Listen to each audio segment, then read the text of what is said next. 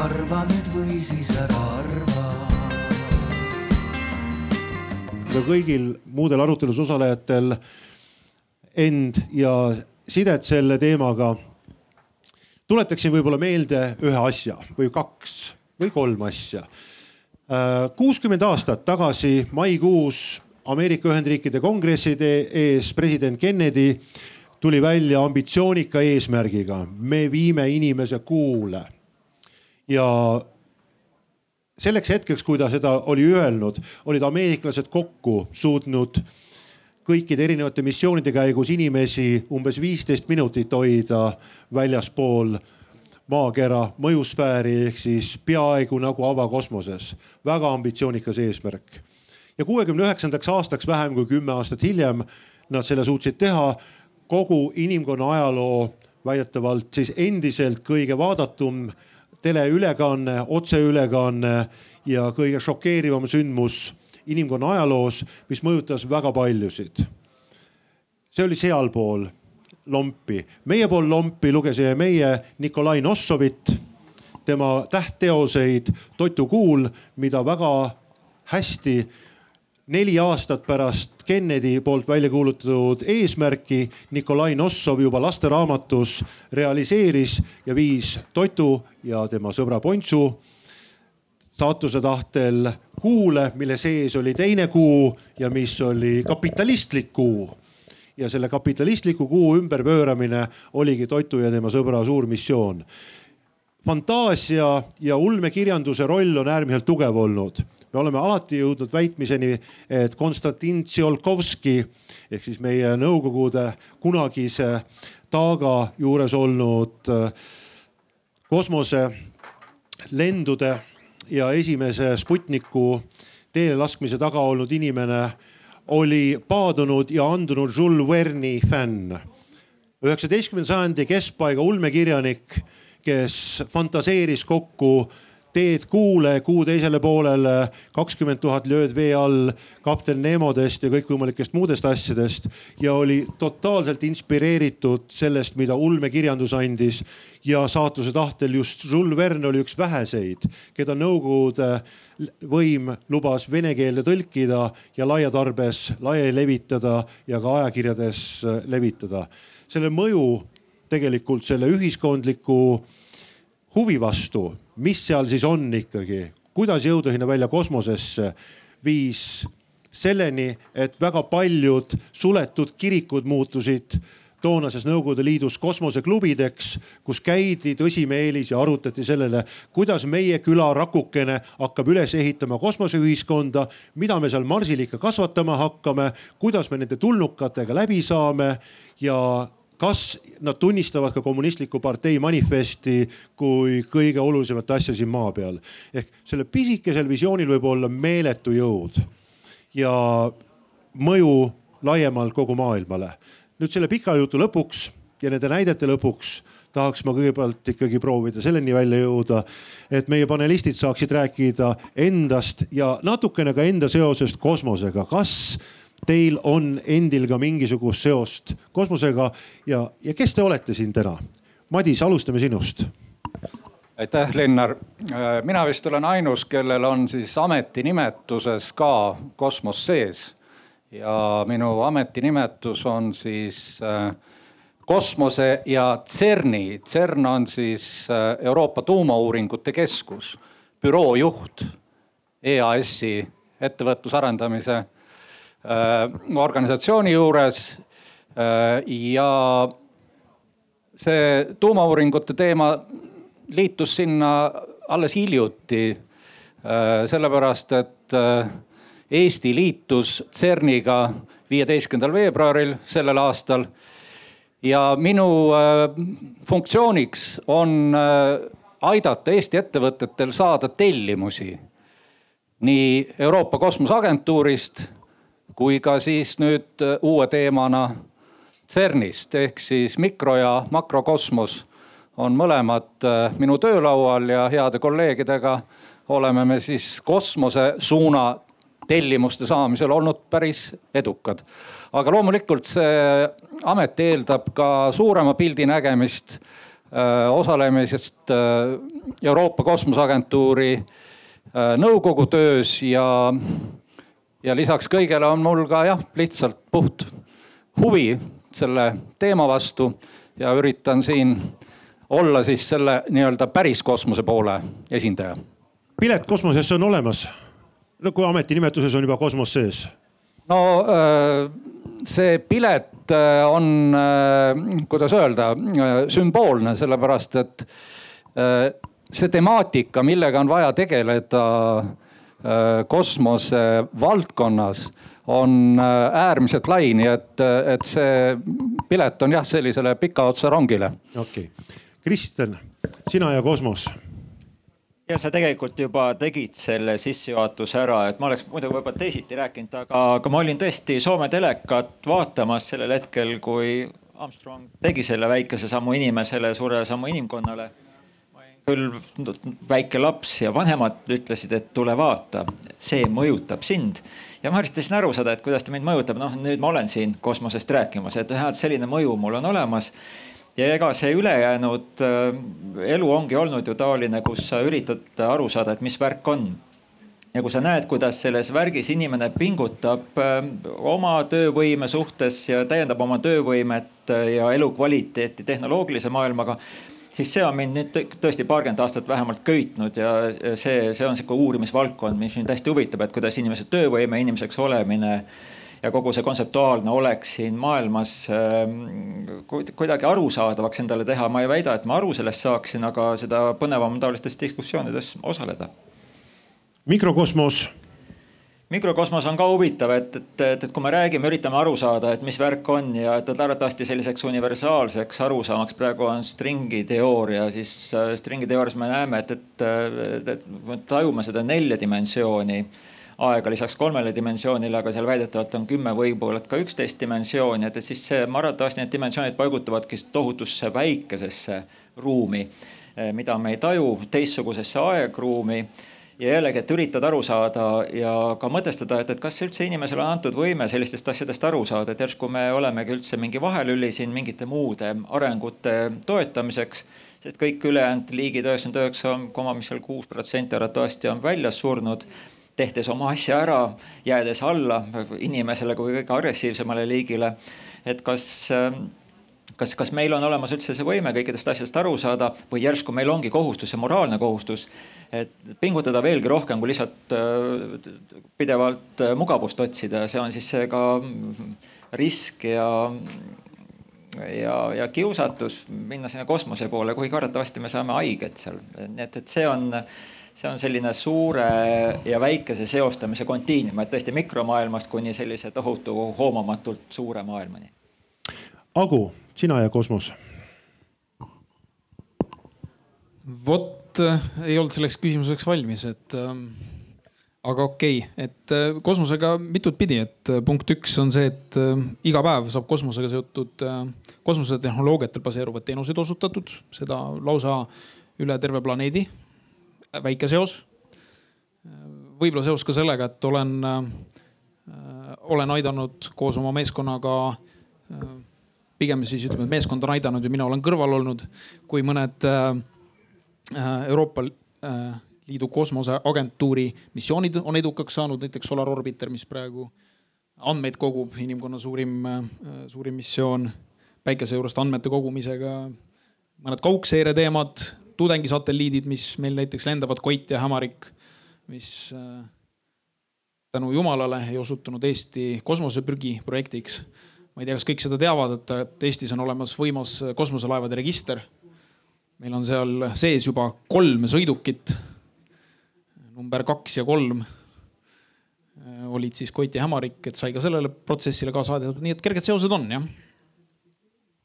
Madis äh oskad sa kirjeldada sellise, selle ettevõtte tüüpilist profiili Eestis, kes võiks olla Euroopa Kosmoseagentuuri partneriks, teenust osutada neile, milline see ettevõte on? no üks esindaja istub siin, teine esindaja istub seal äh, publiku hulgas äh,. see, see oli ettevõtte... nagu Eesti sõjavägi, et mõlemad sõdurid. jah äh, aga neid ettevõtteid tegelikult meil selles registris, kes on ennast siis pannud kirja kosmoseagentuuri hankijate andmebaasi on sada üksteist enne minu puhkust ja nendest kakskümmend viis on teinud lepinguid nii et äh, me oleme selle asja käima saanud ja neid ettevõtteid on erinevaid, on, on suuri, on väikeseid. Äh, aga igal pool on, äh, on tunda sellist entusiasmi teha midagi, midagi keerulist, midagi uut, mingit väljakutset saavutada. Ja leping kosmoseagentuuriga ei ole iseenesest äri. see on uks päris ärisse sest kõik need agentuurid on teatavasti eelarvelised, nad on piiratud oma tellimuste mahuga. aga kui see leping on ettevõttel käes, siis hakkavad tulema muud lepingud ja, ja selles suhtes on äh, kosmos võimalus teha midagi väga põnevat, midagi väga nõudlikku ja suur rõõm on see, et äh, Eesti ettevõtjad saavad sellega hästi hakkama. Agu, sinul oli näide selle kohta, et sa pakud kosmoses paikneva tehnoloogia abil maa peale teenuseid. saad sa natukene lähemalt sellest kirjeldada ja kas ma saan õieti aru, et meie kõik oleme siin otsustanud maksumaksjatena, et me viime orbiidile midagi sellist, mis aitab kogu maakera inimestel, ettevõtetel oma elu paremini elada ja selle, see andmetele ligipääs, mis sealt satelliitidelt tuleb, on meile kõigile kättesaadav, aga ainult vähesed oskavad sellega, nende andmetega midagi tarka peale hakata. räägi natukene, mida on võimalik siis nende senitel ühe, kahe ja Kopernikuse programmiga üldse Eestis saada või mida sina teed igapäevaselt? no eurooplased on üldse oma maailmakäsitluselt äh, hästi äh, kihvtilt teistsugused, et kui me siin ise selles kultuuriruumis oleme, võib-olla ei saa sellest aru aga maailmas ei ole väga tavaline see, et kui me midagi ühiselt teeme, siis me anname sellega ühiselt kasutada. ja see, et Euroopas on otsustatud, kosmoseandmed on tehtud lahti, et see, mida Euroopa maksumaksja raha eest üles saadetud satelliidid nii-öelda koguvad, et need on väga suured andmehulgad, nad on ka keskmisest keerulisemad andmehulgad, ei ole sihukeses lihtsas Excelis töödeldavad. Et aga nad on tehtud põhimõtteliselt kättesaadavaks, ehk siis on loodud eeldus ja platvorm, et sinna peale saab nii-öelda nagu ehitada. Et siis meie oleme lihtsalt üks näide, kes on leidnud sealt väärtusahela. ja ma püüan öelda, kuidas seda kõige lihtsam on öelda, et äh, meie teenus on siis see, et meie mõõdame kosmosest äh, seitsmesaja kilomeetri pikkuse joonlauaga millimeetrite nihkumist maa peal ja seda kõikjal üle planeedi. ja, ja selgub, et teenus on nii tubli, edukas ja et äh, meeldib kõigile maailmas ehk siis kaldajoone muutus näiteks või, või äh, mingisugune Infrast... paduvihma järel toimunud mingisugune pinnaselihe või? infrastruktuuridega toimuvad äh, muutused, kui mõni tamm, sild, maja, müür, tehas või hoone tõuseb, vajub või langeb meil on võimekus, ütleme tänase seisuga kuus, natuke rohkem aastat tagasi vaadates hinnata ajaloolisi trende, vaadata, mis viimasel ajal on juhtunud ja, ja võib-olla ka natukene ette ennustada, et äh, midagi kehva meil juhtumas ei oleks, et maailmas ei saa salata, kliimamuutustega seoses ennustamise teema läheb järjest aktuaalsemaks. Kristjan, kui sa enne ütlesid, et sina olid see, keda vanemad tarisid ka selle Soome televiisori ette, et vaadata. On sul midagi meeles ka üldse sellest hetkest või on see nagu selline tagantjärele mälestus, et, et said minna tagasi rongiga mängima või midagi muud tegema? ei, mul rongiga mängu ei olnud, aga ma tulin vaatama, jäin vaatama ja see üks äh, nagu mälestus, mis on, on, on selgelt mustvalge. et, et toona oli see periood, kus äh, räägiti värvitelevisioonist ja noh, meil ei olnud värvitelekat, aga, aga lihtsalt ameeriklastel kindlasti on ja siis see pilt peaks olema kuidagi värvilisem, et, et kui, kui selline tohutu nagu pingutus on äh, teostatud inimlikus mõttes ja seda meile kantakse üle, et, et ka soomlased on huvitatud, väikse poisina ikkagi kuidagi tabad seda, hoomad seda suurema maailma tähelepanu. ja, ja siis vaatad, et aga kõigest sihukene sigrimigri mustvalge pilt ja hääl ei ole ka kõige parem, aga, aga see on mul selgelt meeles, et ju siis see peaks kõvasti mõjuma. aga kas see, mu küsimus, mille juurde ma tegelikult tahangi jõuda, oli see, kas selline näide sellest, et me viisime kuuekümne üheksandal aastal reaalajas inimese kuu peale, siis kas see on midagi sellist, mis on inimajaloo jooksul üks selliseid tehnoloogia ja teaduse arengu suurimaid manifeste olnud? Oskad sa selle kõrvale veel midagi tuua teaduse, tehnoloogia manifestidest? oskan küll, paraku üks on äh, tuumapomm ja teine on nine eleven, et seda ma mäletan ka täpselt, et see on palju värvilisemas äh, mälestuses.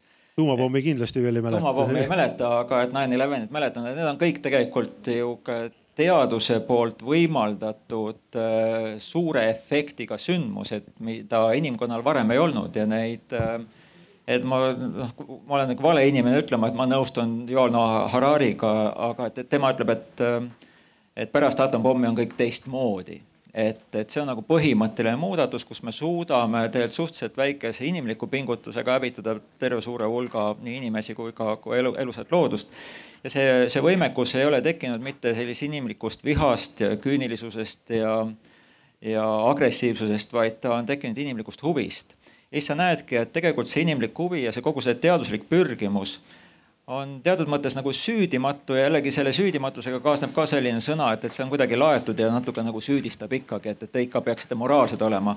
aga teadus ja huvi ei tohiks niivõrd palju moraalne olla, vaid ta peaks olema ikkagi selle pingutuse keskne, aga ta peaks arvestama selle inimliku nurjatusega või inimliku palega ja ja sealt tekib terve hulk neid teisi teemasid ka, aga jah, et kui sa küsid, et, et mis on need teaduse saavutused, siis, siis noh, kui niimoodi natukenegi teaduse ajalugu hakata lahti rullima, leiad kindlasti teisi olulisi samme ka, kogu teadusmetoodika olemus, teaduslik, ütleme, kliinilised uuringud, need on kõik teinud olulise hüppe nendes, selles võimekuses, kuidas me maailmast aru saame, mida me maailma kohta julgeme üha rohkem oletusi teha aga jah, et kui niimoodi ekspromtu niimoodi kohe vastata, siis paraku kurb küll, et need aatompomm ja, ja nine eleven on, on mõlemad, mis tulevad pähe kui inimese võimete näited, kasvanud võimete näited ma olen kindlasti tuumapommi suhtes sinuga ja, nõus. hüppan veel vahele, et, et ja see on ka üks sellise eksistentsiaalse riski põhjus, mille pärast me peaksime otsima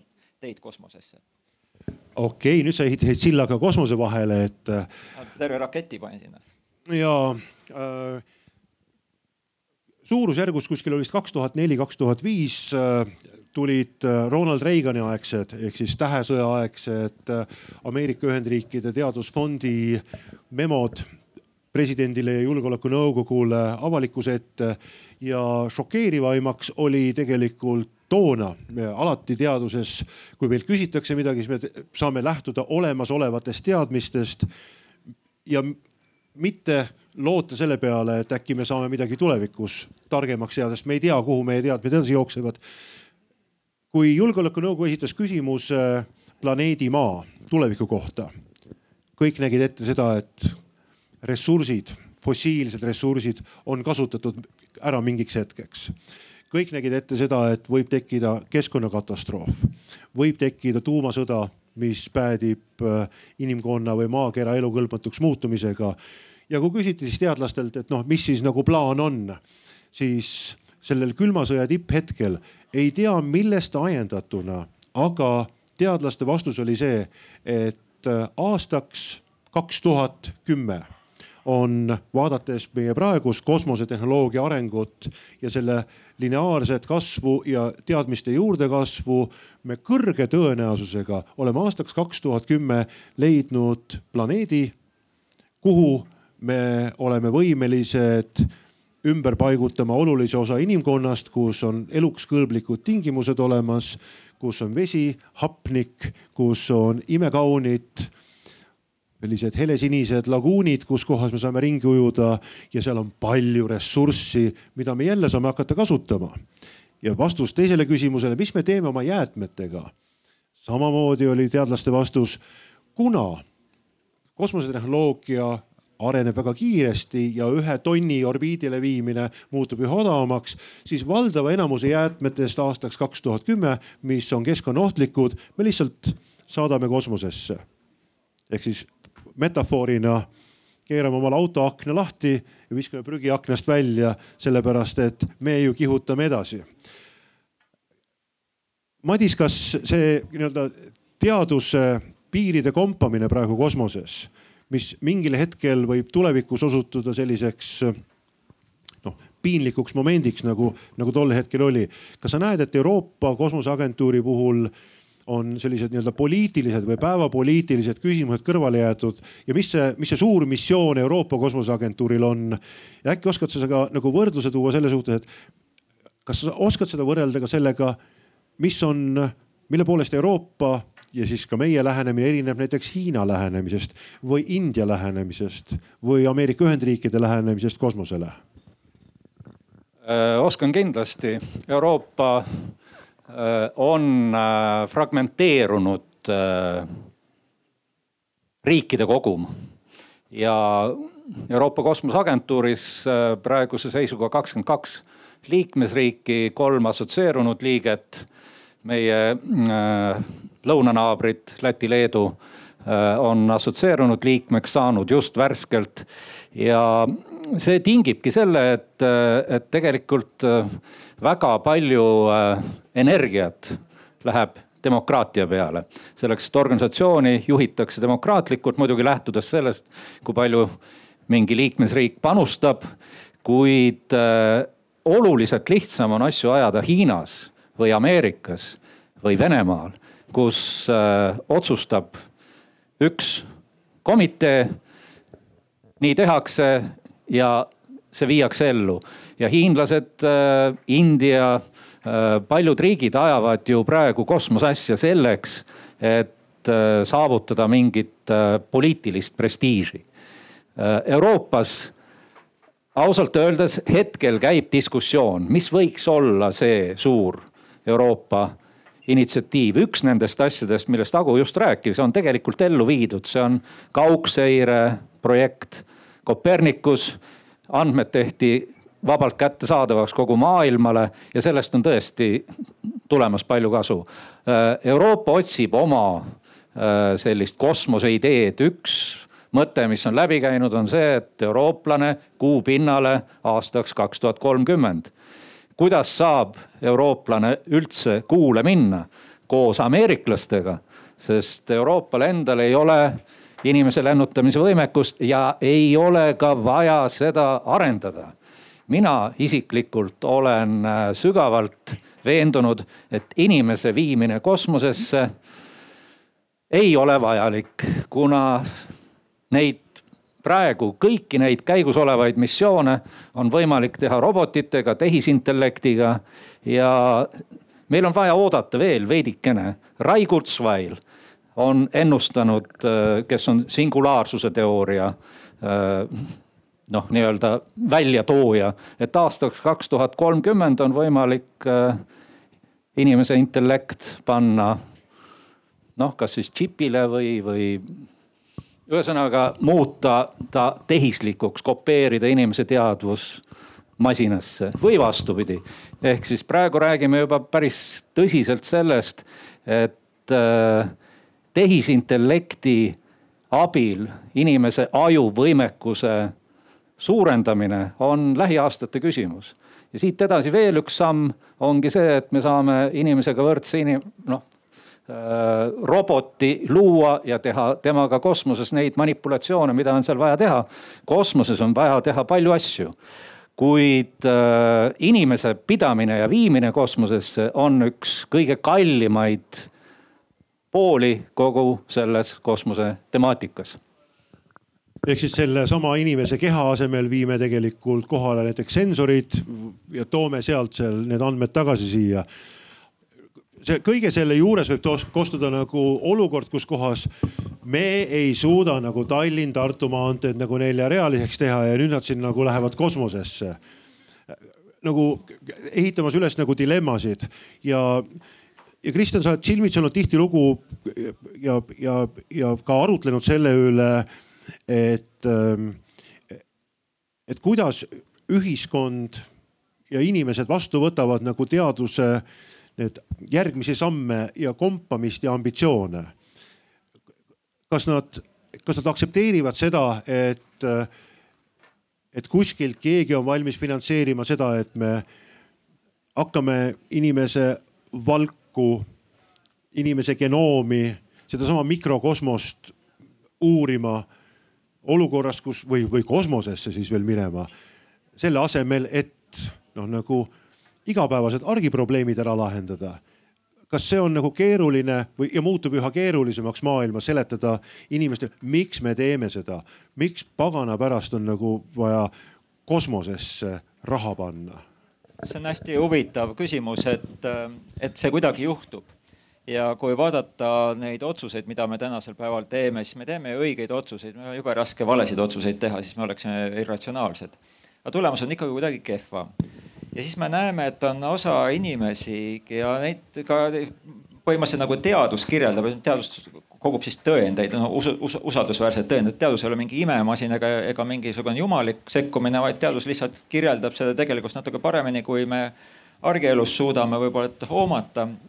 ja seal pannakse tähele, et näiteks intelligentsed inimesed või ütleme, teadlased, osa on sellised äh, endasse tõmbunud, isoleerunud oma kinnisideega, tegelevad ühe asjaga, nad ei kuula ülemuse juttu. siis sa näedki, tekib selline või noh, see on üks, üks seletus, et, et sellisel otsustamisel ja raha jagamise tasandil või ütleme, poliitilise konsensuse tasandil leitakse teatud väärtuskokkuleppeid. aga laboris selle köögi poole peal tehakse tegelikult midagi muud sest et seda tasandit ei motiveeri, noh, raha kindlasti on, on võimalus, aga raha ei motiveeri, vaid motiveerib igavene selline uudishimu ja rahuldamatu arusaamade komplekssusest ülesaamise himu ja, ja sealt siis me näemegi, et, et aeg-ajalt lihtsalt tuleb teaduskirjanduses, ütleme teadus signaalide džunglist tuleb välja üllatavaid tähelepanekuid, mille peale küsitakse, et aga miks, kus, kes seda hakkas üldse uurima.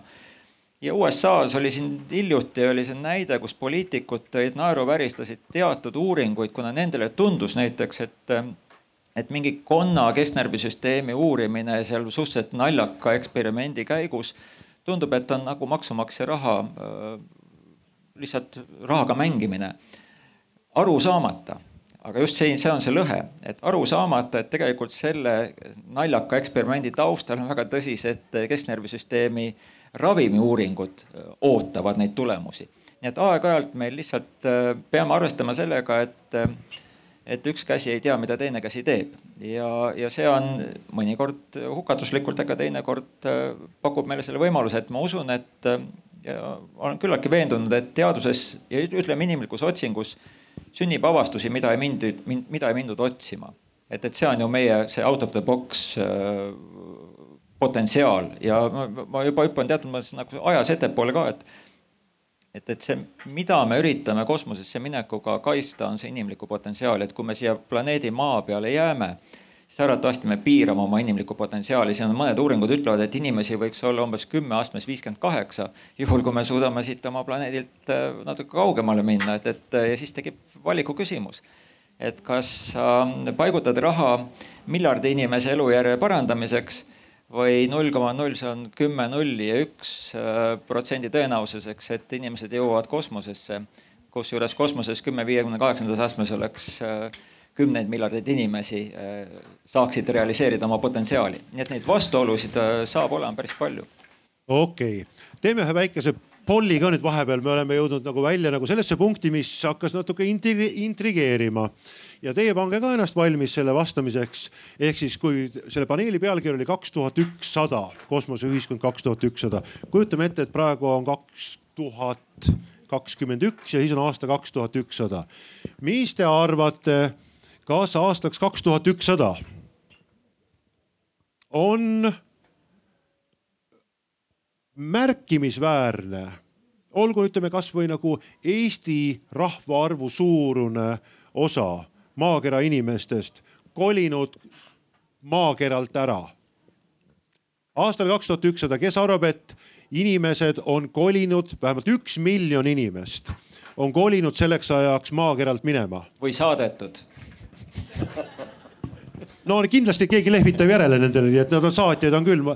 valdav enamus jääb ju maha, järelikult need on saatjad. nagu Austraalias samal ajal. kes arvab, et no julgelt käed üles, kes arvab, et kaks tuhat ükssada üks inimene ka nii juba hakkab tulema, siit on nagu näha kümmekond inimest ehk nüüd ma ei taha eeldada, et ülejäänud on kõik selle vastu, aga igaks juhuks ma küsin, et kas aastal kaks tuhat ükssada inimesed endiselt elavad maa peal ja mitte keegi ei ole kuskile ära kolinud siit?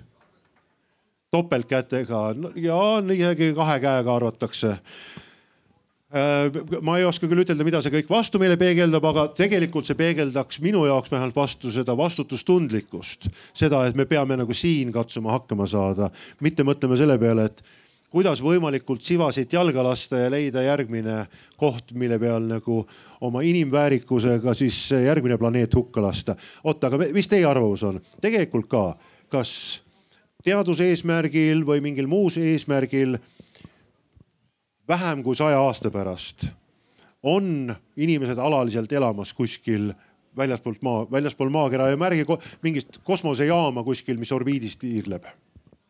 mis sa, Madis, arvad? Äh, seda ei saa kindlasti välistada selleks, et äh, inimese jõudmine Marsile on äh, tänapäeval tehnoloogiliselt võimalik.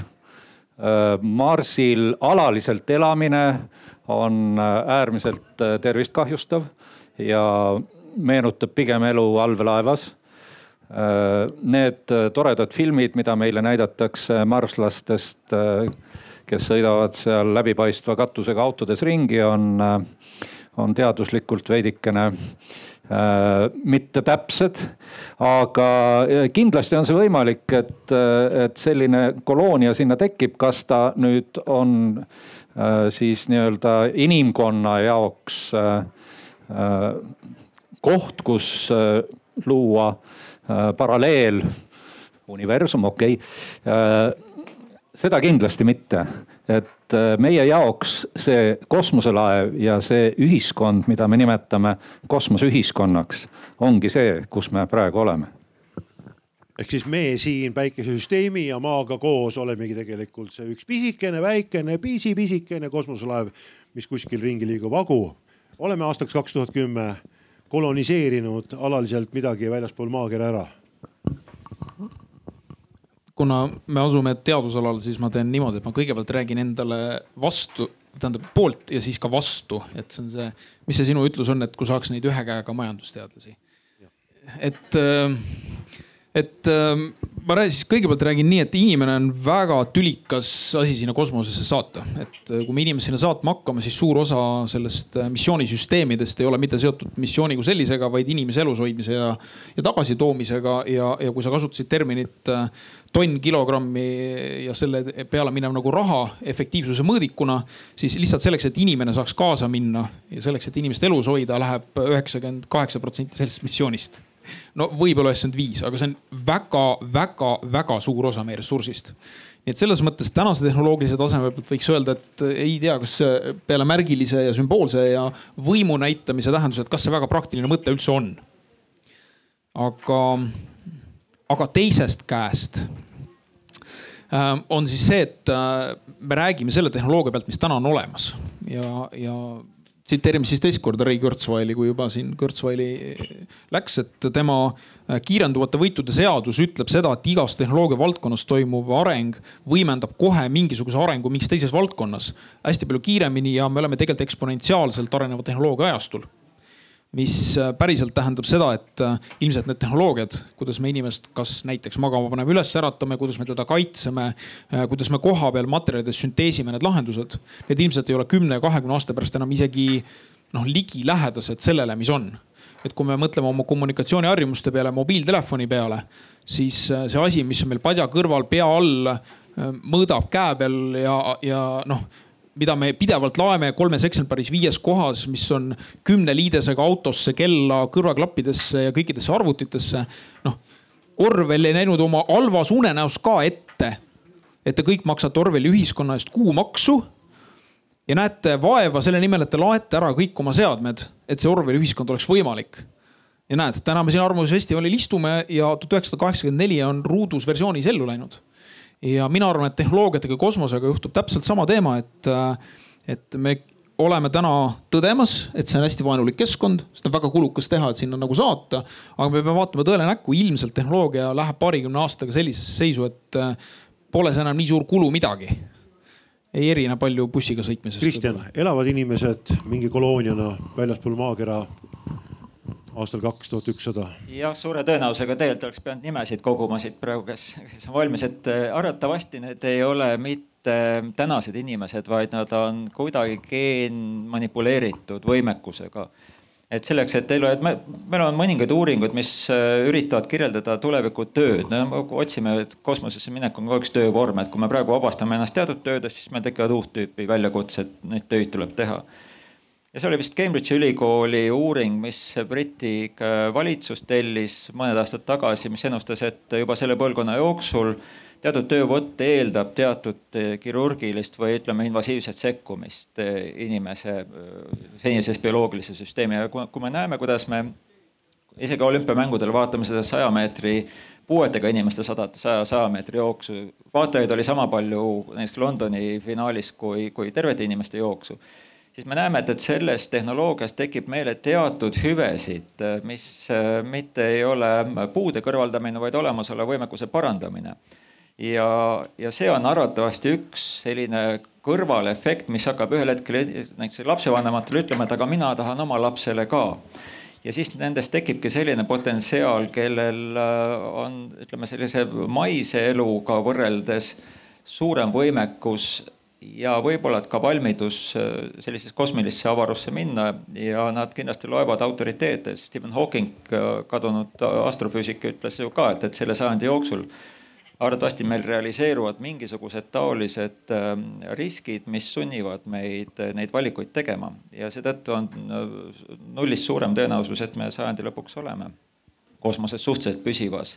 Mõni arvas seda, et Stephen Hawking äh, oli seda häirekella löömas selleks, et me tõsisemalt suhtuksime planeedi Maa peal omadega hakkama saamiseks. ja aga probleem on selles või väljakutse on selles, et, ähm, et kui me lahendame maiside üle probleeme siis me stimuleerime kasvu. me ei saa ju öelda, et inimestele, et, et, et nüüd, kuna meil elu läks heaks, siis me hakkame iivet piirama, vaid vastupidi kui me lahendame mingisugust toitumise, keskkonna, mingid muud probleemid ära, siis me ju suurendame enda, enda paljusust, mis on alati looduse arvelt ja oma paljusust me suudame suurendada peamiselt oma potentsiaali parandades ja koos potentsiaaliga ei parane ainult hea, heade asjade tegemine, vaid paraneb ka see riski su suurus. ja seega me ei pea olema niivõrd palju pessimistlikult destruktiivselt häälestatud oma keskkonna rikkumise suhtes, vaid lihtsalt keskkonna ja enda kokkusobimise suhtes neid, neid äh, konfliktide tõenäosus kasvab, mistõttu meil tekib täitsa aus küsimus, et miks siis mitte sellesse kosmosesse vaadata, kui me, kui me seda näeme, et ta on, eksisteerib reaalselt, et kes keelab meil sinna minemast, no see kiusatus ju kasvab meil. See on visioon, mõned visioonid realiseeruvad kiiremini, mõned aeglasemalt ja, ja meil on ühe teemana Äh, lepitud kokku, et siin arutelul me hakkame mõtlema ka selle üle, et kui meil on väga-väga pikaajaline visioon, olgu selleks kasvõi seesama küsimus, et kas inimesed kolooniana elavad siis kosmoses kuskil. hästi lihtne, praktiline, mitte keegi ei saa aru, kuidas see päriselt võiks välja näha. me teame, et praegu hetkel see mitte mingisuguse ressursiga kuidagi võimalik ei ole, aga teadust skepsis ütleb seda, et aga tegelikult võib-olla on võimalik, kuna me ei tea veel seda, mida me teame homme või viiekümne aasta pärast või saja aasta pärast. ja, ja siit tagasi küsimus hästi väiksesse kohta, sellesse samasse visiooni siinsamas kohapeal Eestis sellest ambitsioonikusest, suurest visioonist, et kas aastal kaks tuhat kakskümmend, kaks tuhat kakskümmend üks, kaks tuhat kolmkümmend selles perioodis praegusel hetkel meil on olemas selline riiklik arengukava vist, mille nimi oli kaks tuhat kolmkümmend viis. Ja talle on loomulikult ette heidetud seda, et tegemist on kantseliitliku, selline riigiametnikud, ministeeriumid, asutused saavad kokku, teevad ühe sellise strateegilise plaani, lähtuvad sellest, et mida me praegu teame, mida me praegu teeme ja, ja tiksume edasi mingisuguse arengu eesmärkide poole, mis on tegelikult hästi nagu mõõdukad arengu eesmärgid, natukene haaval. kas äh, praegusel ajal üldse oleks võimalik või mõttekas püstitada ägedamat arengu eesmärki? Agu, sa oled päris mitu korda kirjutanud ka Rahvusringhäälingu portaalis sellise mõiste nagu kosmoseühiskond teemal, mis ei ole üldse seotud tegelikult kosmosesse ärakolimisega vaid, vaid mis räägib tegelikult ühiskonnaelu korraldamisest hoopis teistsugusel viisil või siis ka või siis ka arengu eesmärgi või, või visiooni seadmisest äh, hoopis suurema ambitsiooniga või teistsuguse fookusega, kui selleks on riiklikud arengukavad praegusel hetkel? kirjelda seda mõtet natukene. fookus on ääretult tähtis asi. Fookuse tähtsus, millele me kõik koos keskendumine, see fookuse tähtsus tõuseb, kui meil on vähe ressurssi ja kui olud lähevad raskeks. ma toon siia mõned näited, mis on, arvan peaaegu isegi asjakohased selles olukorras, et ekstreemsport ma ei tea, kui palju on kuulnud sellisest alast nagu downhill, andke käega märku, ütleb see midagi? oh, üle poole rahvast, väga lahe. Nendele, kellel ei ütle, mõelge siis samat analoogiat lumelauasõidu peale. Äh, nendele, kes sõidavad siis nagu off-road'is ehk siis nad lähevad selle ametliku raja pealt nii-öelda nagu kõrvale. et sealt on küsitud nende downhill'i meeste käest, et kuulge, kuidas see ala võimalik on? sa nagu päriselt paned nagu kiivri pähe ja siis paned mingil tundmatul territooriumil nagu lihtsalt nagu mäest alla, et sa oled hull või? et kuidas see võimalik on? ja downhill'i meeste vastus on selline, et, et ähm, sellel hetkel, kui sa mõtled, et see ei ole võimalik, lõppes sinu sõit.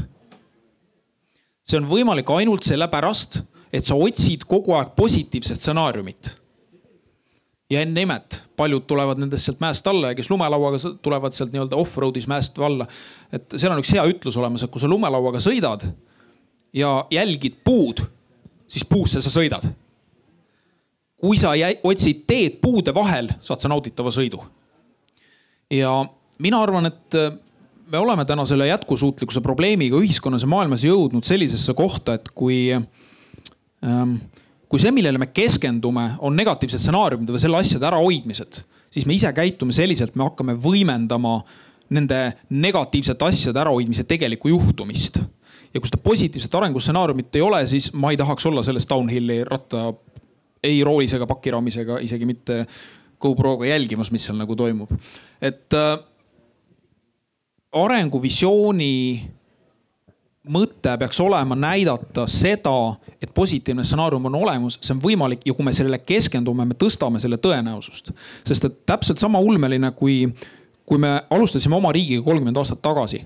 see oli üks kohutavalt ulmeline stsenaarium sellel ajahetkel kõik mäletasid ja teadsid, mis on saanud nendest inimestest, kes püüdsid Nõukogude Liidus riigivastaseid jutte rääkida.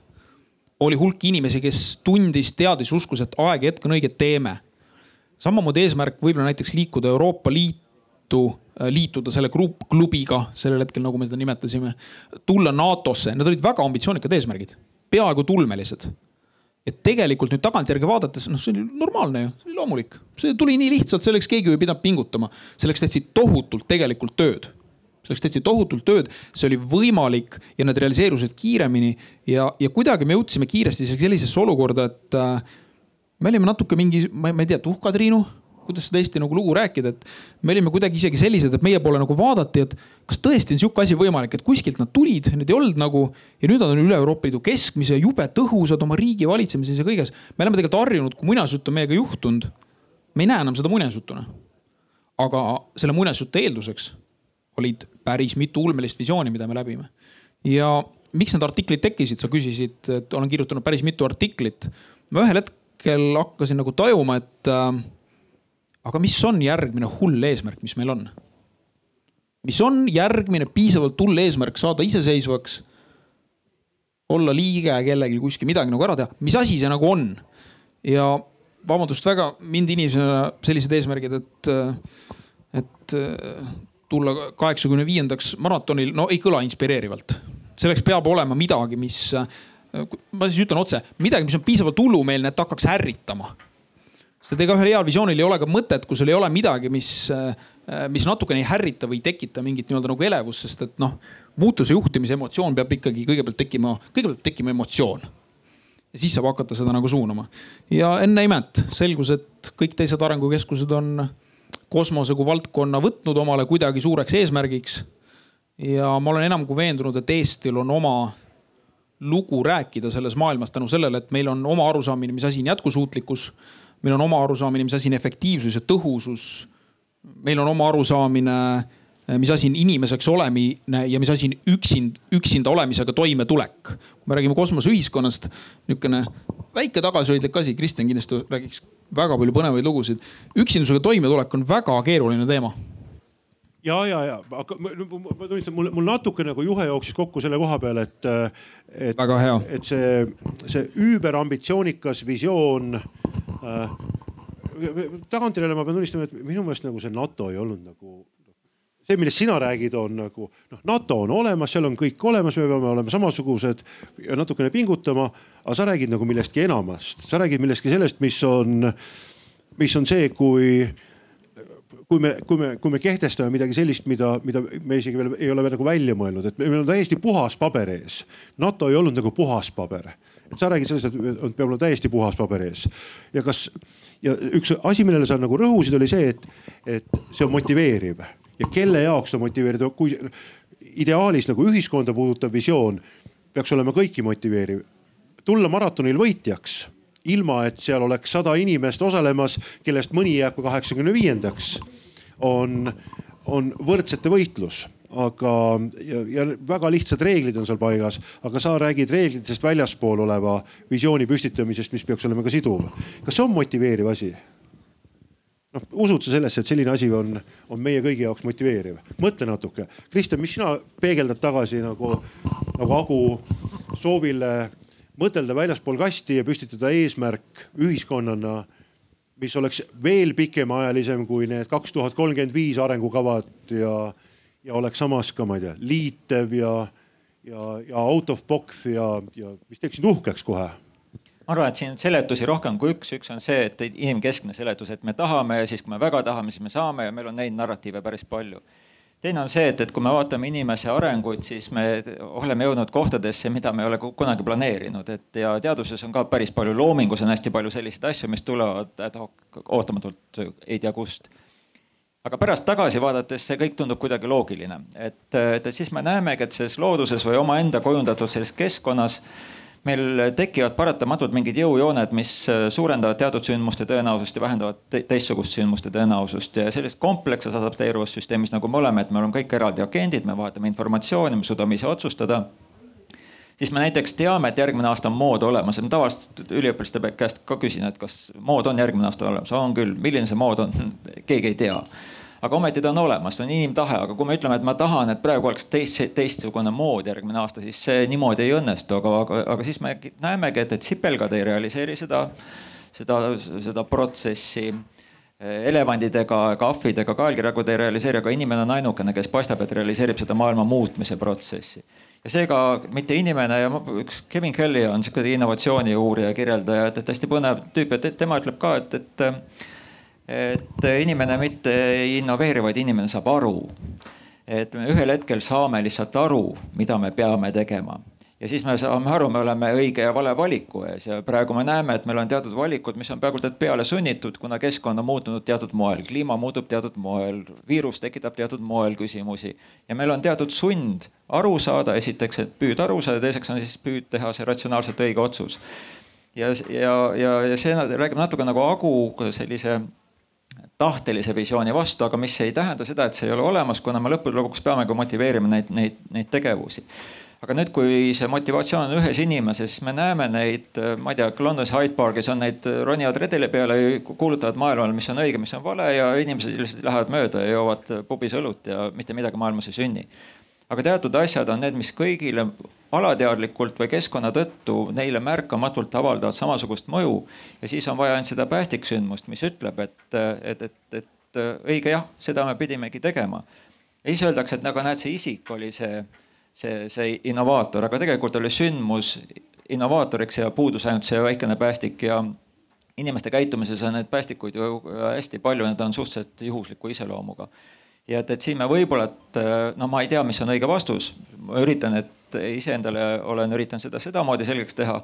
aga, aga, aga lihtsalt see meie tahteline otsing on, me, ma arvan, et me hindame seda üle.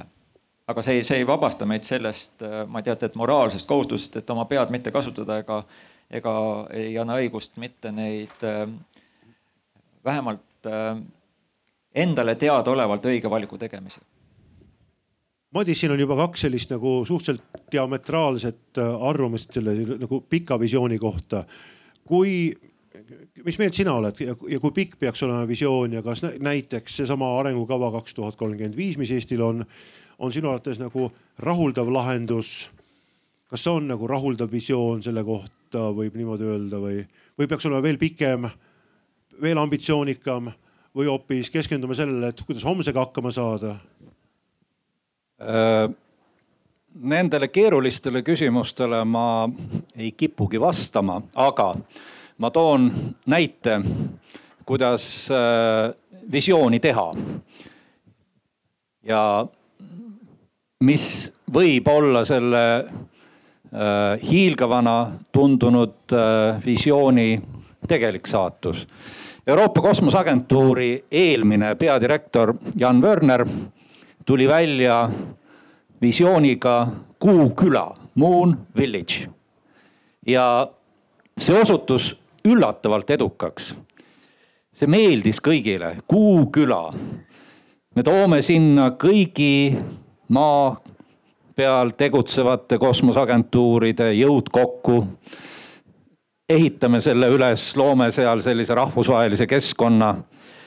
see on ju jõle kihvt ja, ja ta oli üllatavalt hea promootor sellele visioonile. Äh, Austraalia Adelaides toimunud astronautika kongressil ta viskas pintsaku maha ja tegi kolm kätekõverdust.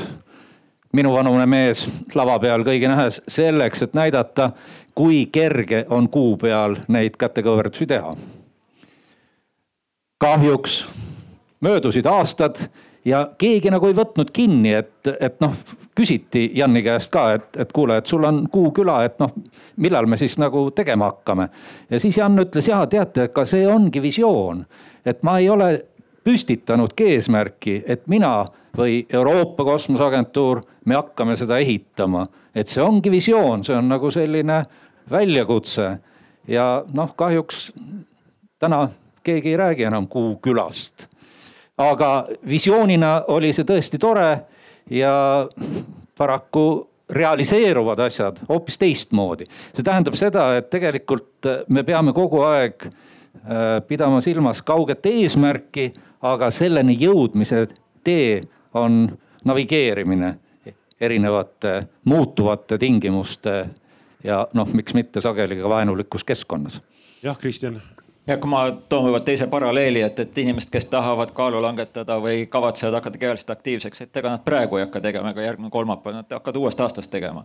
Neil ongi seda visiooni vaja sest et see on midagi, mis hoiab elu toredana ja ma ikkagi kavatsen, ma olen õigel pool seda piiri. et aga, et, et siis, kui uus aasta lähedale jõuab, siis järgmise aasta uueks aastaks üheksakümmend, üle üheksakümne protsendi inimestest on endast pettunud ja see ei tule mitte sellest, et see tahe ei olnud vale, vaid sellepärast, et maailm osutub palju keerulisemaks, et, et mida, mida rohkem me läheneme sellele tegelikele sammudele, et siis me oleme näinud palju kitsamat pilti, kui see tegelikkus on.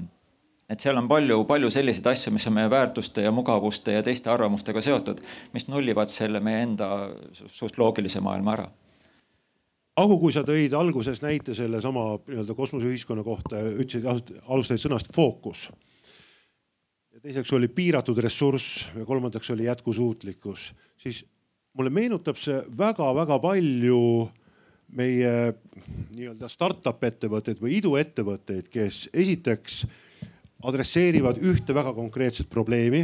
Nad püüavad fokusseerida mitte kõikide probleemide, vaid just selle probleemi lahendamisele. Neil ei ole mitte midagi muud kui ainult idee ja visioon võib-olla mingisugune mõte, et niimoodi võiks proovida seda asja lahendada. Neil on väga piiratud ressurss. nii palju kui inimtunde, kui neil on sellesse panna parajasti, nii palju nad teevad ja, ja nad on alati mures selle pärast, et kuidas oleks jätkusuutlik, kuidas me, kuidas me kolme kuu pärast ka teeksime veel paremat asja ja nad äh, teevad seda tihtilugu läbi, läbi kiirete ebaõnnestumiste kas, kas sa ometi ei taha öelda, et ühiskond oleks valmis midagi sellist tegema, et nagu oma mõtteviisi muutma, et ütelda, et meie visioon võiks olla fokusseeritud, piiratud ressursside tingimuses, jätkusuutlik ja keskenduda sellele, et me loominguliselt eksiksime, õpiksime nendest vigadest ja teeksime midagi uuesti. see on ju risti vastu nagu sellele, mida poliitikud meile lubavad, pensionitõusu lubavad, lubavad meile neljarealisi teid, lubavad kõiki neid asju. teadmata seda, kuidas neid muidugi saavutada, aga, aga, aga nad mõtlevad kindlasti nagu väga-väga teistmoodi võrreldes sellesama iduettevõtliku mudeliga, mida sina just kirjeldasid kas ühiskonnal oleks võimalik nagu iduettevõttena tegutseda? No me just äh, ühte iduettevõtte kolmandat tsüklit oleme tegema minemas. kaks tsüklit oleme äh, kiiresti läbinud. ebaõnnestumistega? Äh, jah, ma pean nüüd, kui sa, kui sa nüüd juba küsid, mitte et see on see, millest ma rääkida tahtsin, aga minu isiklikul hinnangul jah, sest et äh, ma olen ka arvestatav osa oma elust jätnud äh, sihukese digiühiskonna e, e-ühiskonna nagu ehitamise peale.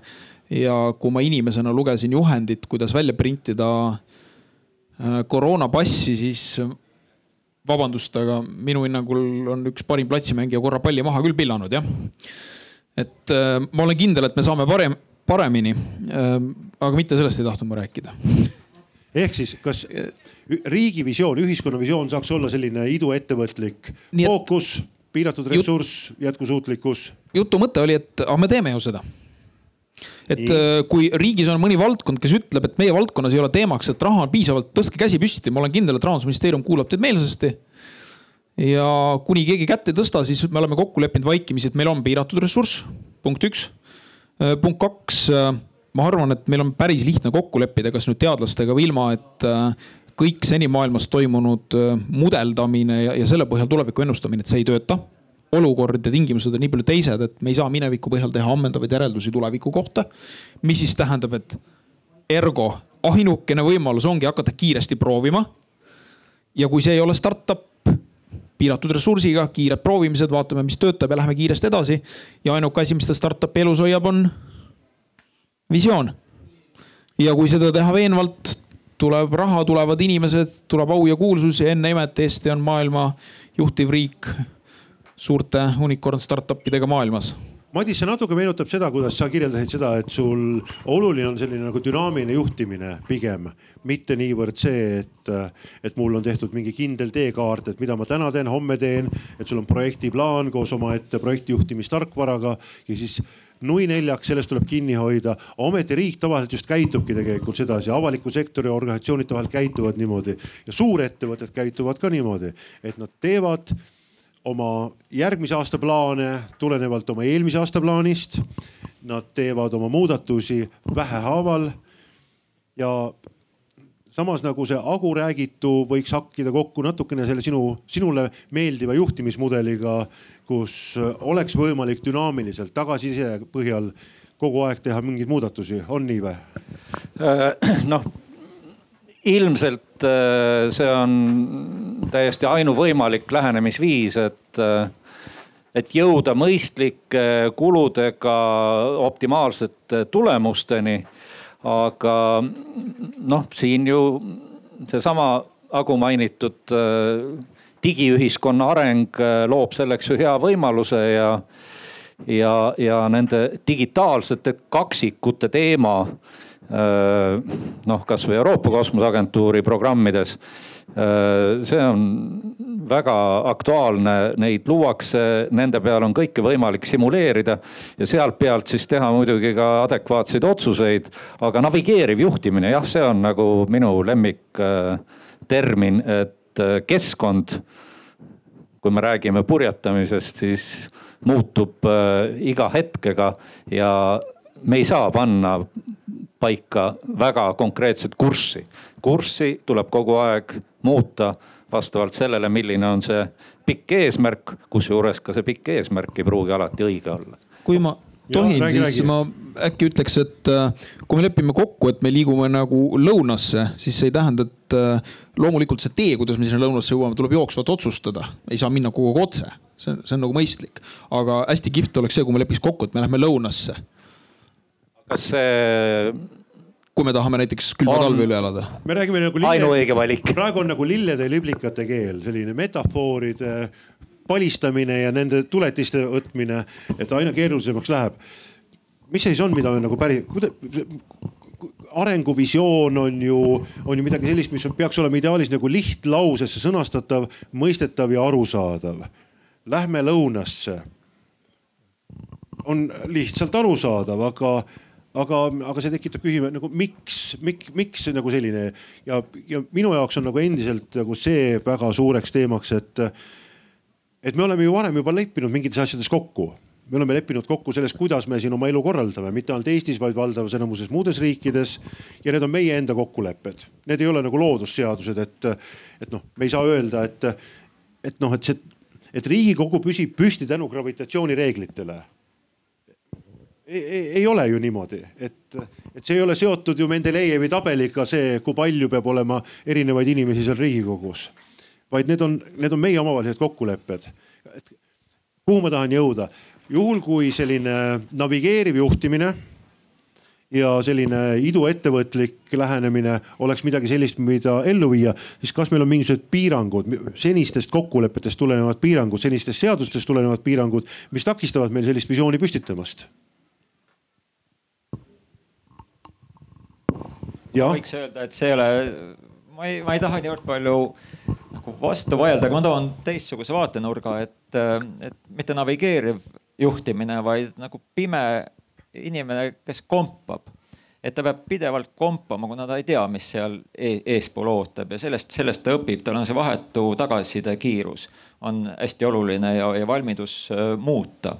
aga nüüd, kui me vaatame, mis on inimese enda optimum, siis ta on suhteliselt staatiline, et, et me ei taha väga muuta, et me oleme suhteliselt konservatiivsed ja seega, et kui me vigu teeme, siis me tavaliselt absorbeerime selle vea või ohverdame kedagi teist, aga see suur mass ei tule järgi ja varem sa küsisid ka, et, äh, et see arengukava kaks tuhat kolmkümmend viis, mis on erinevates ministeeriumites olemas white paper'itena, et, et, et et, et see peaks ju rahuldama. küsimus, keda rahuldab ja mis mõttes ta rahuldab? ta rahuldab seda poliitilist konsensust, et nüüd me ei pea tükk aega sellega tegelema. aga nad ei kasuta seda ju tegelikult sellisteks äh, suurte otsuste tegemiseks, vaid suured otsused tehakse ikkagi selles tuletõrje faasis pealesunnituna, et, et see on see, milleks me peame olema valmis ja vot siin Eesti riigil võib olla teistsugune võimalus kui mõnel suurel riigil, et me oleme dünaamilisem, me oleme suhteliselt äh, palju vitsa saanud ja kuidagi elus püsinud, et me võib-olla, et see ei taha, see ei ole edevuse ega, ega mingisuguse eneselohutamistemaatika, et võib-olla, et siin on mingi potentsiaal olemas, et me suudame kiiremini reageerida teatud muutustele et Eesti on sisuliselt üks suur haigla oma olemuselt, et ometi meil on terve hulk tervishoiusüsteeme, aga me näete, kui kiiresti me tegelikult selle haiglasüsteemi suhteliselt kiiresti konsolideerisime, muutsime suhteliselt tõhusaks. Ja, ja, ja neid teisi näiteid leiab Eestis ka, mis teistes riikides on, on võimatu teostada, ID-kaardid ja kõik need muud näited kaasa arvatud. Et siin võib-olla sellises väiksemas kogukonnas on selli- ja noh, kannatanud kogukonnas on sellist äh, valmidust äh, nii tolereerida vigu kui ka, äh, kui ka teha neid kogukondlikke kiiremaid muutuseid, aga, aga selles suhtes jah, et ma endiselt olen nagu selles positsioonis, et, et meil ei ole niivõrd palju visiooni kaptenina, vaid meil peab olema see jalgpalluri valmidus reageerida. kui sulle palli antakse, siis, siis sa alles otsustad, mida teed. Lähed ära juba. tšau ei, ma läksin, ma ei läinud ära, ma vaatasin, et kas publiku mikrofon töötab, töötab küll äh, andke palun käega märku ka, kes äh, on nõus üles ärkama sellest meie heietusest ja, ja omalt poolt midagi kaasa mõtlema. siin nagu läks, kuidagi me läksime selle kosmoseühiskonna teemaga praegu hetkel sellisesse väga huvitavasse kohta, kus kohas me hakkasime rääkima riigi arenguvisioonist ja sellest, et kas seda on võimalik teha nagu purjekaga navigeerides või nagu pimedana toas kombates või nagu üks iduettevõte. vähemalt ühte näppu ma nägin, ma kohe toon sulle mikrofoni.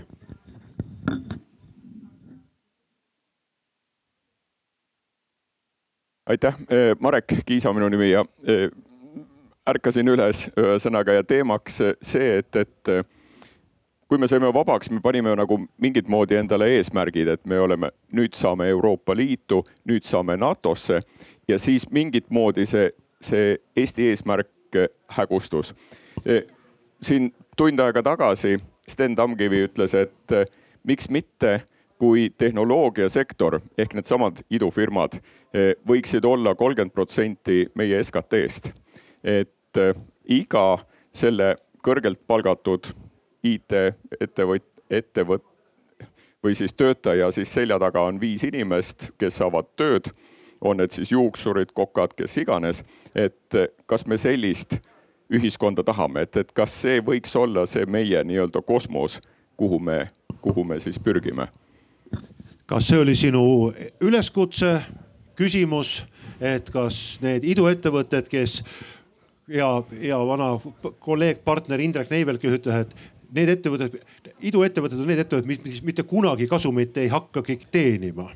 et kas Just. nende ettevõtete peale peaksime ehitama üles kolmandiku oma, oma rahvuslikust varast ja, ja siis iga selle ühe taha veel viis töökohta looma et kas meil on väga, see julgus? ja väga riskantne selline nagu kaardimajakene tundub olevat Ole.... mis te arvate?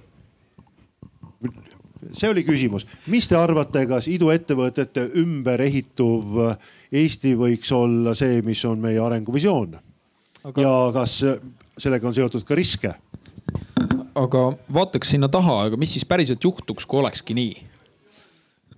Et äh, kui päriselt juhtuks, et olekski nii, siis me mitte ei saaks ju iduettevõtted, kellest nagu Linnar ütles, mingi väga suur protsent äh, läbi kukuvad, vaid me saame oskuse, kogemise, kogemuse ja teadmise väga laial pinnal rahvana kuidas kiiresti proovida, kuidas katsetada uusi meetodeid, me saame teistsuguse juhtimissüsteemi, võib-olla teistsuguse majandusökosüsteemi. me saame, no ingliskeelne termin oleks agiilne, võib-olla ka eestikeelne juba tänaseks äkki et me saame sellise agiilsema lähenemise maailmale, et me tegelikult ei saa mitte lihtsalt ettevõtteid, vaid me saame selle ja kui me ütleme, et selles ühiskonnas oleks läbikukkumise definitsioon see, et kas me õppisime eelmistest vigadest või mitte. kas me tegime lihtsalt startup'i ja teeme järgmise startup'i paremini ja esimesest kahest läbikukkunud startup'ist kolmas startup, mis tekkis, oligi unicorn. super super, fantastiline tulem, aga siis me oleme muutnud ka definitsiooni sellest, mis on läbikukkumine. et kui ma siin kuulasin, Linnar küsis väga õieti, et me ju kardame selles äh, vanas klassikalises süsteemis just seda läbikukkumist, et noh, et nii ei saa ju, et mis meid segab. meid segabki see, et meil on täna veel läbikukkumise definitsioon äh, selline, kus midagi ei tulnud välja. aga tegelikult õigem küsimus oleks, okei okay,, mis me sellest õppisime hetkeseisuga Covidi kaks. läbikukkumise definitsioon on see, et ebaõnnestus ja me ei õppinud mitte midagi. me ei midagi. õppinud mitte midagi järelikult kukkusime läbi ja kui me niimoodi lep lepime definitsiooni kokku, jumal, noh siis teeme riigi ja kõik ettevõtted startup'ideks, mis küsimus, hakkame õppima siin on nagu ettepanek olemas, Eesti riigi arenguvisioon pika, pika, pikaajaline visioon, jätame kõrvale selle kaks tuhat kolmkümmend viis ja kantseliitlikud dokumendid. võiks olla see, et me püüame üles ehitada sellise sõltuvusahela, kus äh, ütleme innovaatilised, võib-olla ka teadusmahukad, aga eelkõige innovaatilised, uuenduslikud iduettevõtted võiksid olla need, mis drive ivad ülejäänud arengut ja selle käigus tekkivad ebaõnnestumised on õppimisväärilised, tunnustamist väärilised ja me sõltume sellest. Madis hakkab hirm peale tulema ja publik võib ka nii kaua mõelda, et kas teil on juba päris hirm sellise Eesti ees, kus sellised mingid Boltid ja Wise'id ja muud ettevõtted, kes nagu regulaarselt mitte iialgi ei tule nagu päriselt kogu seda investeeringut neisse tagasi tootma. Et need on need, kes minu lastele hakkavad tegelikult tööd andma ja pensionisüsteemi meile ehitama selleks, et sellele küsimusele vastata, ma vaataks veidikene minevikku ja kui mina ülikoolis käisin, siis äri ajamise põhimõte, ettevõtluse põhimõte oli osta odavalt, müü kallilt. siis, kui ma ülikooli ära lõpetasin ja ise ettevõtjaks hakkasin või õigemini ettevõtet juhtima hakkasin, siis ma üritasin panna paika need protsessid, et võimalikult madalate kuludega toota ja võimalikult efektiivselt turustada ja nüüd, kui me oleme jõudnud äh, moodsasse majandusse, kus tekivad unicorn'id siis ma ei saa enam, mina ei saa enam hästi asjadest aru, aga ma saan aru sellest, kuidas me selleni oleme jõudnud. kümme aastat tagasi EAS pani püsti oma esinduse San Franciscos Silicon Valley's. ja Andrus Viir, kes oli selle esinduse juht, hakkas sinna kutsuma Eesti vot neid samu iduettevõtjaid ja need käisid seal tal karjakaupa ja ta näitas nendele, kuidas Silicon Valley's äri aetakse. tulemus tänaseks on Eestis kuus unicorn'i. see on, see on täiesti teistsugune paradigma kui see, mida näiteks mulle koolis õpetati, mida ma ise õppisin, kuidas majandada ühte ettevõtet. milline on see tuleviku ettevõtluse mudel, kas kõik saab muutuda äh, selliseks äh, startup'i põhiseks, ilmselt mitte, aga paradigma muutub, see on, see on täiesti selge. milliseks ta muutub, ma igaks juhuks jätan vastamata. Kristjan, startupidel põhinev ühiskonnamudel. hästi ohtlik ja kui midagi muutma peab, siis kindlasti SKT põhist äh, hindamismudelit tuleks eitama hakata, et, et vastasel juhul me võiksime büromaanid ja tuletõrjujad lihtsalt tööle panna, et ühed hävitavad, teised põletavad või tähendab, ühed põletavad, teised kustutavad ja SKT kasvab sellega, aga tegelikult meie igapäevases elus midagi juurde ei tule Need startup'ide ja selliste unicorn'ide puhul on ju investorid need, kes tolereerivad seda valu eh, spekulatiivsel eh, ootusel ja nad blokeerivad ära terve hulga teiste innovaatiliste väikeettevõtete võimaluse potentsiaali, et nad kas ei anna neile raha või siis nemad hakkavad kopeerima seda olemasolevat ärimudelit ja kui me vaatame neid suuri eh, unicorn'e, et kasumis ei ole ja küllaltki lootusetu ka, et kasumisse tulla ja, aga samas nad nagu näiliselt käivitavad seda protsessi ja me võime öelda, et okei okay,, et ettevõte mingu pankrotti ja küsimus on ainult raha, raha jääb, mass jääb alles, aga lihtsalt, et kes on mingil hetkel rahaomanik. Et järelikult me peaksime ümber vaatama selle majandusmudelis selle, selle väärtuse hindamise protsessi, selle loogika. aga tulemuseks on see, et, et meil tekivad need laastud need on intellektuaalsed laastud, need ei ole mitte sellised äh, huumuseks muutuvad, vaid nad on intellektuaalsed laastud, millest tekib seda inimkonna arengupotentsiaali. et me õpime ju vigadest ja, ja kui raha motiveerib tegema, unicorn motiveerib väga paljusid inimesi väga tugevalt äh, ütleme tegutsema ja ressurssi fokusseerima tegevustele, mida jälle väikestel hajusatel ettevõtetel ei ole võimalik teha nii et, et see on, ma, ma arvan, et see on selline tulega mängimine, mis paratamatult lõpeb alati põlema minemise ja kärssamisega, aga sellest tekib päris palju kasulikku valgust ja soojust, et, et, et aga lihtsalt, et kuidas me hindame. praegu me hindame minu arvates väga vanamoodsal moel ja Madis ütles õigesti, et või noh, kes ma olen ütlema, mis on õige, mis on vale, aga et, et vähemalt see traditsiooniline arusaam, mis siis see äri point on, et äri point on, et, et kasumit toota, aga, aga need need ettevõtted ei ole kasumitootjad, nad on tegelikult äh, spekulatsiooni loojad. võta siis, panna siia kõrvale veel selline küberraha ka et me oleme täiesti. ära parem pane. ei, ma, aga ma ütlen, et näete uh., et me oleme sellega, selle maastikuserva peal, kus me ütleme, et hakkab täiesti uus, ma olen nagu Sam selles äh, Sõrmuste isandas, ma ei ole siit kaugemale läinud, aga nad läksid kaugemale. me peame olema valmis vaatama, selles teises maailmas on teistsugused reeglid.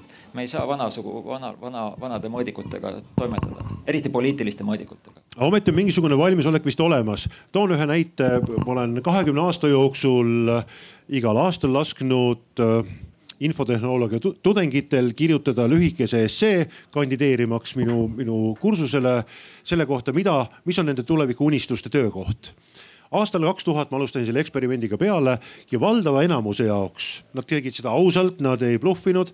Nende jaoks oli kõige suurem unistus saada kätte diplom, saada kätte professionaalne sertifikaat ja minna kuskile suurde välismaa ettevõttesse tööle välismaale ka, see oli aasta kaks tuhat, minna tööle Saksamaale Oracle'i nimelisse ettevõttesse või IBM-i kuskile minna Eestist ära selle diplomiga ja seal kuskil suures ettevõttes tööle hakata.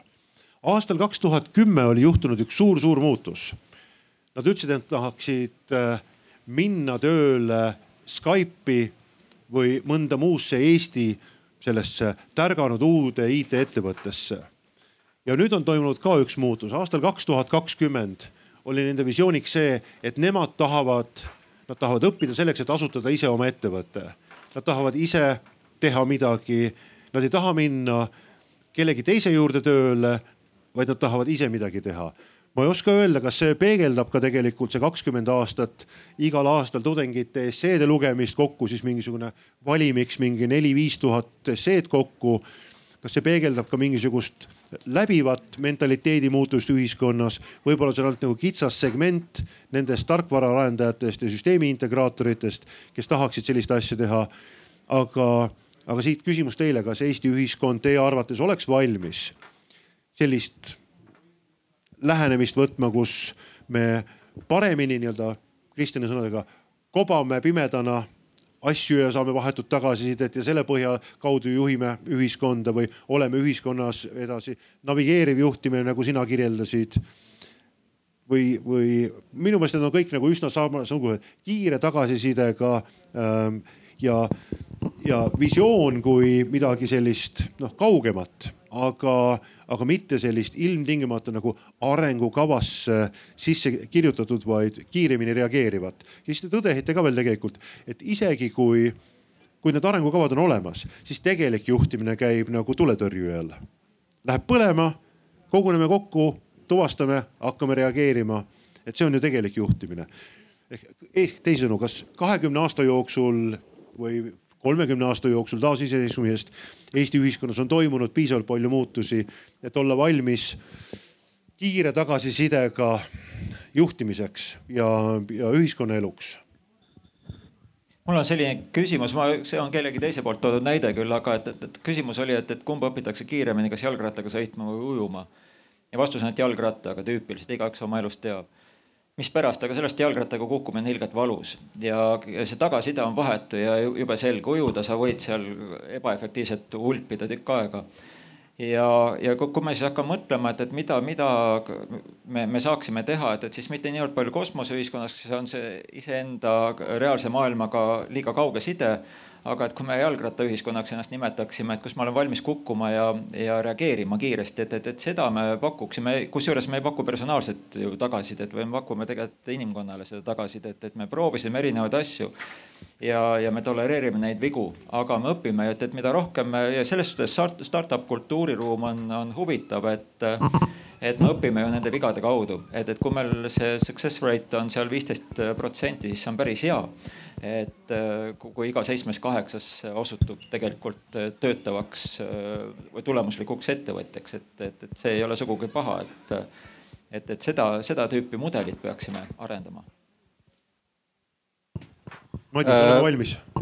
ja siin ma tooksin ühe, ühe väikese, aga ilmselt pöördumatu mõjuga aspekti. et äh, see pandeemia on loonud olukorra, kus äh, äh, äri, ettevõtluse, organisatsiooni tegevuse elluviimiseks ei ole vaja enam füüsiliselt koos käia. ja see toimib globaalselt ja siin on kindlasti arenguruumi. Eesti ettevõtted on siin väga häid lahendusi välja pakkunud et kui me räägime visioonist, siis ilmselt äh, me peaksime arvestama sellega, et paradigma on muutunud. me ei hakka käima enam kontorites koos. me teeme seda hoopis paindlikumalt ja millised võivad olla selle muutuse pikemad mõjud ehk siis me olime tegelikult sellises kohas, mida ka Agu kirjeldas, et meil on nagu selline tulekahju ja siis me hakkasime reageerima ja suudame tegelikult üldistada seda laiemalt mingitele sektoritele ja valdkondadele. et see ei ole mitte üks tulekahju, vaid terve ühiskond oli tulekahjus. Agu, mis sina arvad, kas Eesti ühiskond on valmis selleks, et äh, elada vahetus ja kiires tagasisides ja üt, öelda ausalt välja, et nii see ongi ja me keskendume sellele, et võimalikult kiiresti õppida neid vigu, nendest vigadest, mis me teeme. Ma arvan, et meil on rahvana selgelt äh, kõige rohkem eeldusi ja potentsiaali olla selles maailma parimad, nagu päriselt. et äh, maailmas on suhteliselt vähe riike, kus äh, inimeste usaldus oma niisuguste kriitiliste riiklike institutsioonide vastu on nii suur, nagu seda on eestlastel. hetkel veel on. nii ma arvan, meil on üks väheseid riike, kus meil on võimalik päriselt lihtsate lahendustega rajalas tagasisidet koguda, mõelda, arvata ja ma arvan, et meil on veel säilinud seda paindlikkust, et teha selliseid startup ilikke katsed, et noh, et aga aga proovime siis, teeme, teeme teistmoodi valimised. proovime, teeme ära et äh, ei saa salata, et eks see meie e-valimised oligi omal ajal üks startup'ilik eksperiment ja ei saa salata, päris lahe ja päris edukas. miks me ei võiks teha e-valimist äh, kolm-null, mis on kiirema ja vahetuma tagasisidega ja anname ka negatiivse hääle poole koormusega ja vaatame, kuidas see valimissüsteemi maailma mõjutab ja ütlemegi välja, et see on eksperiment. Mina tahaks küll ükskord näha eksperiment Riigikogu, kes äh, igal, kes hääletas, oli poole koormusega võimalik ka vastuhääl anda, oleks päris pull koosseis, ma arvan. kas me saame ta ka kuu aja pärast tagasi kutsuda, kui meile ei meeldi? ja kui see oleks eksperimendi osa, kus oleks õppimist. just see ongi see koht, et, et kui me lepime teatud äh, riskides kokku, et riski haldamine, me ei saa riski ära hoida. risk lihtsalt juhtub, aga et, et riski me saame minimeerida ja hallata, et, et seda tolereerimist me peaksime arendama. aga ma tooksin vaid Jeff Bezose küsimus oli talle, et või ta kommenteeris, et, et millist last ta eelistab, ta eelistab üheksa sõrmega last selle asemel, et laps, kes ei oska mitte midagi teha. ja, ja, ja me ei pea enda pärast praegu muretsema, vaid just selle järgmise põlvkonna pärast, et kui me nendele loome väga sellise vatis oleva keskkonna, siis nad on väga haavatavad. Nad peaksid olema rohkem riskialtid, sest et see väike riik, riik, rahvusruum ei jää lihtsalt või kultuuriruum ei jää lihtsalt alles. juhul, kui me muudame selle elu liiga mugavaks. see oli väga hea mõttekäik kas ma tohin, tohin siia korra? Ma tahtsin öelda praktiliselt täpselt sama mõtte, aga teises sõnastuses, mida ütles Kristjan, et äh, areng ei toimu mugavustsoonis. ja need olukorrad, mida me kirjeldasime, need on kindlasti väljaspool mugavustsooni. nii et sellega me garanteerime arengu. Kristjan ütles praktiliselt sama mõtte teistmoodi, kuna see läks nagu korduseks, et siis mugavustsoonist välja ja küll hakkab juhtuma. noor härra esimees reas Sonis. no eks see Sony teeb nooremaks veidi et äh, ma tahtsin öelda, et see tagasiside jalgratta ja ujumisega, et see on, äh, see tegelikult vist pärismaailmas ei toimu, sest pärismaailm on niivõrd palju keerulisem. ja, ja, ja kui me vaatame noh näiteks äh, noh, tänu kliimale me järgmine põlvkond kindlasti vati sees ei ela. aga et, et noh, näiteks kaevandamine on väga suure ökoloogilise mõjuga kõikide teede ehitamine ja, ja, ja metsade lõhkumine, see on nagu väga valus et noh, sellest otsesest tagasisidest, mida praegu tuleb meile kliima ja tormide ja tulekahjudena ei ole aru saada, et keegi tahaks näiteks hakata asteroidide pealt kaevandama. et noh, kui see nii toimiks, siis juba ju võetaks kühvlid ja raketid ja hakataks minema või kuidas te seda kommenteerite? kas see tagasiside, mis me oleme praegu saanud nende, ma ei tea, Lõuna-Euroopa metsatulekahjude või üleujutustega või, või mis iganes muude näitajatega ümber on liiga leebe olnud? no ilmselt kindlasti jah. see, mis maailmas toimub, on kosmosest väga hästi näha. seesama Kopernikuse programm toodab neid andmeid massiliselt, mida hakkab homme juhtuma. kõike on võimalik jälgida. küsimus on selles, kas me suudame saavutada mingitki konsensust laiemas ulatuses kaasata äh, noh, kogu sellesse äh, rohevõitlusesse ka sellised riigid nagu Bangladesh ja India, miks mitte Pakistan ja nii edasi, kogu Aafrika. Äh, aga mis puutub jah asteroididelt kaevandamisse, siis inimesed selleks valmistuvad ja Luksemburg on äh, võtnud vastu vastava seaduse, mis siis äh, reguleerib asteroididelt äh, maavarade kaevandamist. eesmärk on muidugi väga lihtne, et siis ettevõte, kes soovib seda tegevust alustada, registreeriks oma ettevõtte Luksemburgis kas on teada, kas mõni Eesti firma on seal juba ennast registreerunud, registreerinud? ei, Eesti firma ei ole ennast registreerinud, küll aga üks Eesti päritolu kena Äh, jurist äh, töötab äh, ühes sellises firmas, mis vastavaid plaane peab nii, mul on väga hea meel tõdeda, et valdav enamus teist on endiselt ärkvel, kena kaunis pärastlõunalaupäevane ja teadusalal oli meie aruteluks pealkirja järgi kosmoseühiskond kaks tuhat ükssada. me tõdesime päris palju seda, kuivõrd oluline üldse on olnud inimese kosmosesse jõudmisel ja teadustööl, mis on pühendatud ja seotud kuidagi ka kosmosega muuhulgas, visiooni, metafoori, selle suure narratiivi olemasolu, sellest endale motivatsiooni ammutamine. me saime enam-vähem kindlust selles, et valdav enamus meist on nõus sellega, et me umbes sajakonna aasta pärast elame siinsamal planeedil edasi ja peame katsuma siin hakkama saada, et ei ole olemas seda päästeteed, kuigi me tegeleme sellega, et me otsime seda muud alternatiivi. me tõdesime ka seda, et see, see pikemaajalisem visioon, mis samamoodi nagu kosmosesse pürgimisel või uue maailma reeglistikuga ja maailmaga kohandumisel on midagi sellist, mis võiks olla Eestis eraldi veel seatud eesmärgiks. Ja ka seda, et et selline kiire tagasisidega ja erineval viisil sõnastatud äh, lähenemine, olgu selleks siis kas riigi juhtimiseks või, või laiemalt ühiskonnaprotsesside mõtestamiseks, arusaamiseks, võiks olla midagi sellist, mis on, on seotud ka tihedalt nii kahekümne esimese sajandiga kui ka nende riigiprotsessidega. kas äh, tohiks ma viimaseks ringiks küsida teilt nüüd sellise võimalikult laialivalguva küsimuse, aga selle, et kas kogu selle vestluse käigus, mis me siin oleme poolteist tundi praegu hetkel vedanud ja kohe oleme lõpetanud, jäi teil nagu üks soovitus meie kuulajatele, publikule, mida siit kaasa võtta, kas meie arutelust või siitsamast Arvamusfestivalilt, mida neil oleks võimalik oma igapäevaelus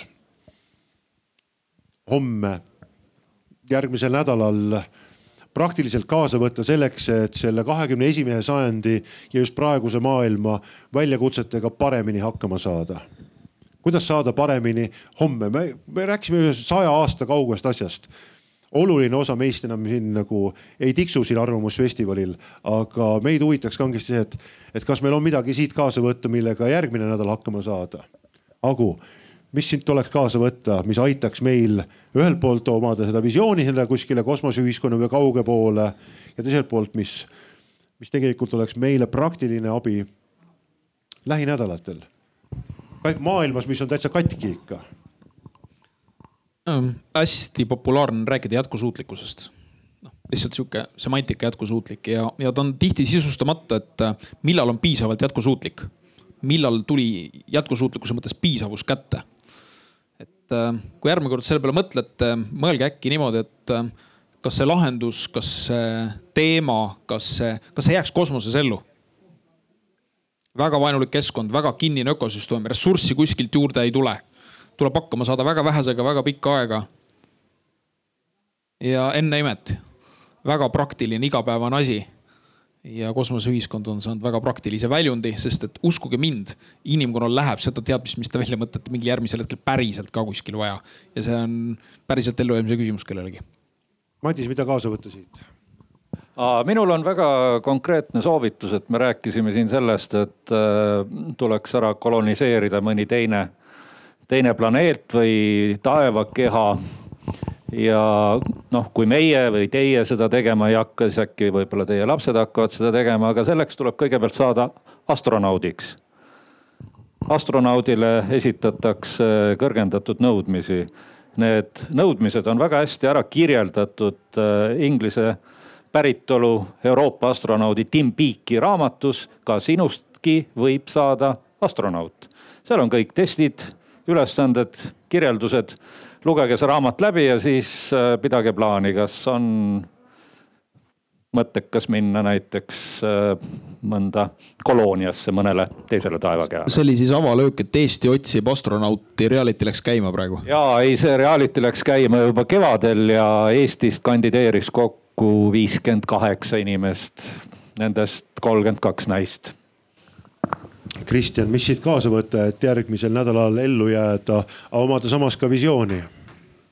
ja ma võib-olla, et soovitaks ka Mary Roache'i Backing to Mars lugeda, et võib-olla kodus vetsupoti peale teha sihukene kümne sentimeetrise diameetriga auk, lihtsalt proovida, kuidas vetsus käimine kosmoselaevas on et seda tasub kindlasti arutada, aga, aga suuremas pildis ma arvan, et, et, et seesama, et, et te siia kokku tulete, on et siia ei ole ju kogu Eestimaa kokku tulnud, kuigi see kogu Eestimaad kandev idee on, aga et, et need neli, neli K-tähte või neli C-tähte, et, et, et kommunikatsioon, koostöö, äh, kreatiivne äh, kreatiivsus ja kriitiline mõtlemine, et, et, et me peame väljuma oma mugavustsoonist ja oma sellest silost, mida me oleme harjunud õppima, mida me oleme õpetatud ja millest me ei taha nagu välja minna, kuna see on, see on ebamugav.